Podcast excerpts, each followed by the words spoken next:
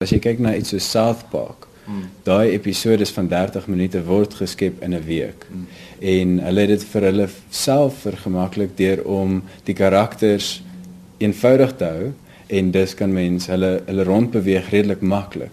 Terwyl as jy dink aan om byvoorbeeld in tweedimensionele wêreld iets te teken wat lyk asof dit driedimensioneel oorkom, dit vat verskriklik baie konsentrasie en dus baie tyd om dit te kan maak. Ja, Lion King sal 'n mooi voorbeeld van daai wees. Nadat ons Lion King gekyk het, het jy die gevoel van hierdie wêreld en jy, jy weet jy beweeg in die wêreld en as dit ding kleiner raak, dan beweeg hy verder van jou en as sien maar Simba se kop draai, dan sien jy meer van sy een oor en minder van sy ander oor en daai gee vir jou oog die leidrade wat hy kort om te interpreteer dat daai ding driedimensioneel draai. Hmm. As 'n mens nou na 'n animasie rolprent kyk, hoe lank sal dit dan vat om so 'n ding te skep? Dit hang regtig af watter animasie rolprent soos wat jy het hom genoem het as die verskillende media. Maar kom ons vat iets soos Finding Dory.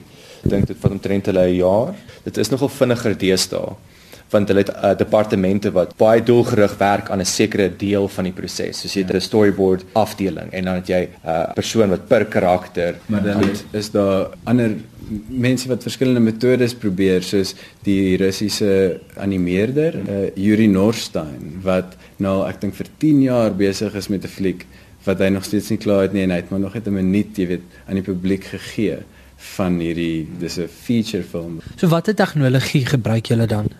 Toon Boom, uh, Rough Animator, Adobe Flash, al daai sagte ware werk presies die manier wat ons nou nog van gepraat het oor sel animasie. Wat beteken jy letterlik teken 'n prentjie en dan gee jy vir jou die, die volgende uh, paneel uh, en dan teken jy nog 'n prentjie en dan wat jy kan doen is jy kan partykeer sien hoe die vorige prentjie lyk. So jy weet hoe om hom bietjie te verander sodat oor tyd dan lyk dit asof goed beweeg en goed draai en so.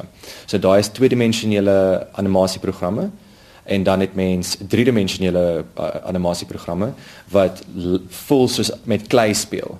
So jy jy maak goed op die rekenaar jy trek sien maar 'n sfeer en dan sit jy nog 'n sfeer bo op hom en dan sit jy nog 'n sfeer bo op hom en dan maak jy vir jou 'n sneeuman byvoorbeeld. En dan het jy tyd en dan uh, gaan jy nou na die volgende tydstip toe en dan beweeg jy hierdie sneeuman soos jy wil. So wanneer jy nou wel sit met jou rekenaar of met jou tablet, ek sien jy daar 'n stylus wat jy uh, gebruik. Wanneer mense met 'n rekenaar werk, het mense nou nie daai uh, luksheid om 'n uh, stylus te gebruik en op die skerm te kan teken nie. Kan jy dan ook 'n muis gebruik om hierdie prentjies aan te teken? Ja, dit is die die programmatuur werk op verskillende maniere soos die sneeuman, so jy het drie balle nou hierso en jy het die sneeuman se kop hierso En dan wat jy doen is jy gaan in die tydlyn en dan klik jy op die sneeuman se kop en dan trek trek jy hom hiernatoe. Nou wat die rekenaar sien is hy was by hierdie deel in die tydlyn was hierdie sneeuman se kop daar. En by hierdie deel in die tydlyn was hierdie sneeuman se kop daar. En dan interpreteer hy wat tussen dit gebeur en daai kan mens baie maklik met 'n muis doen. Maar mens kan ook op 'n rekenaar het ons maniere om met 'n stylus op die rekenaar self te teken.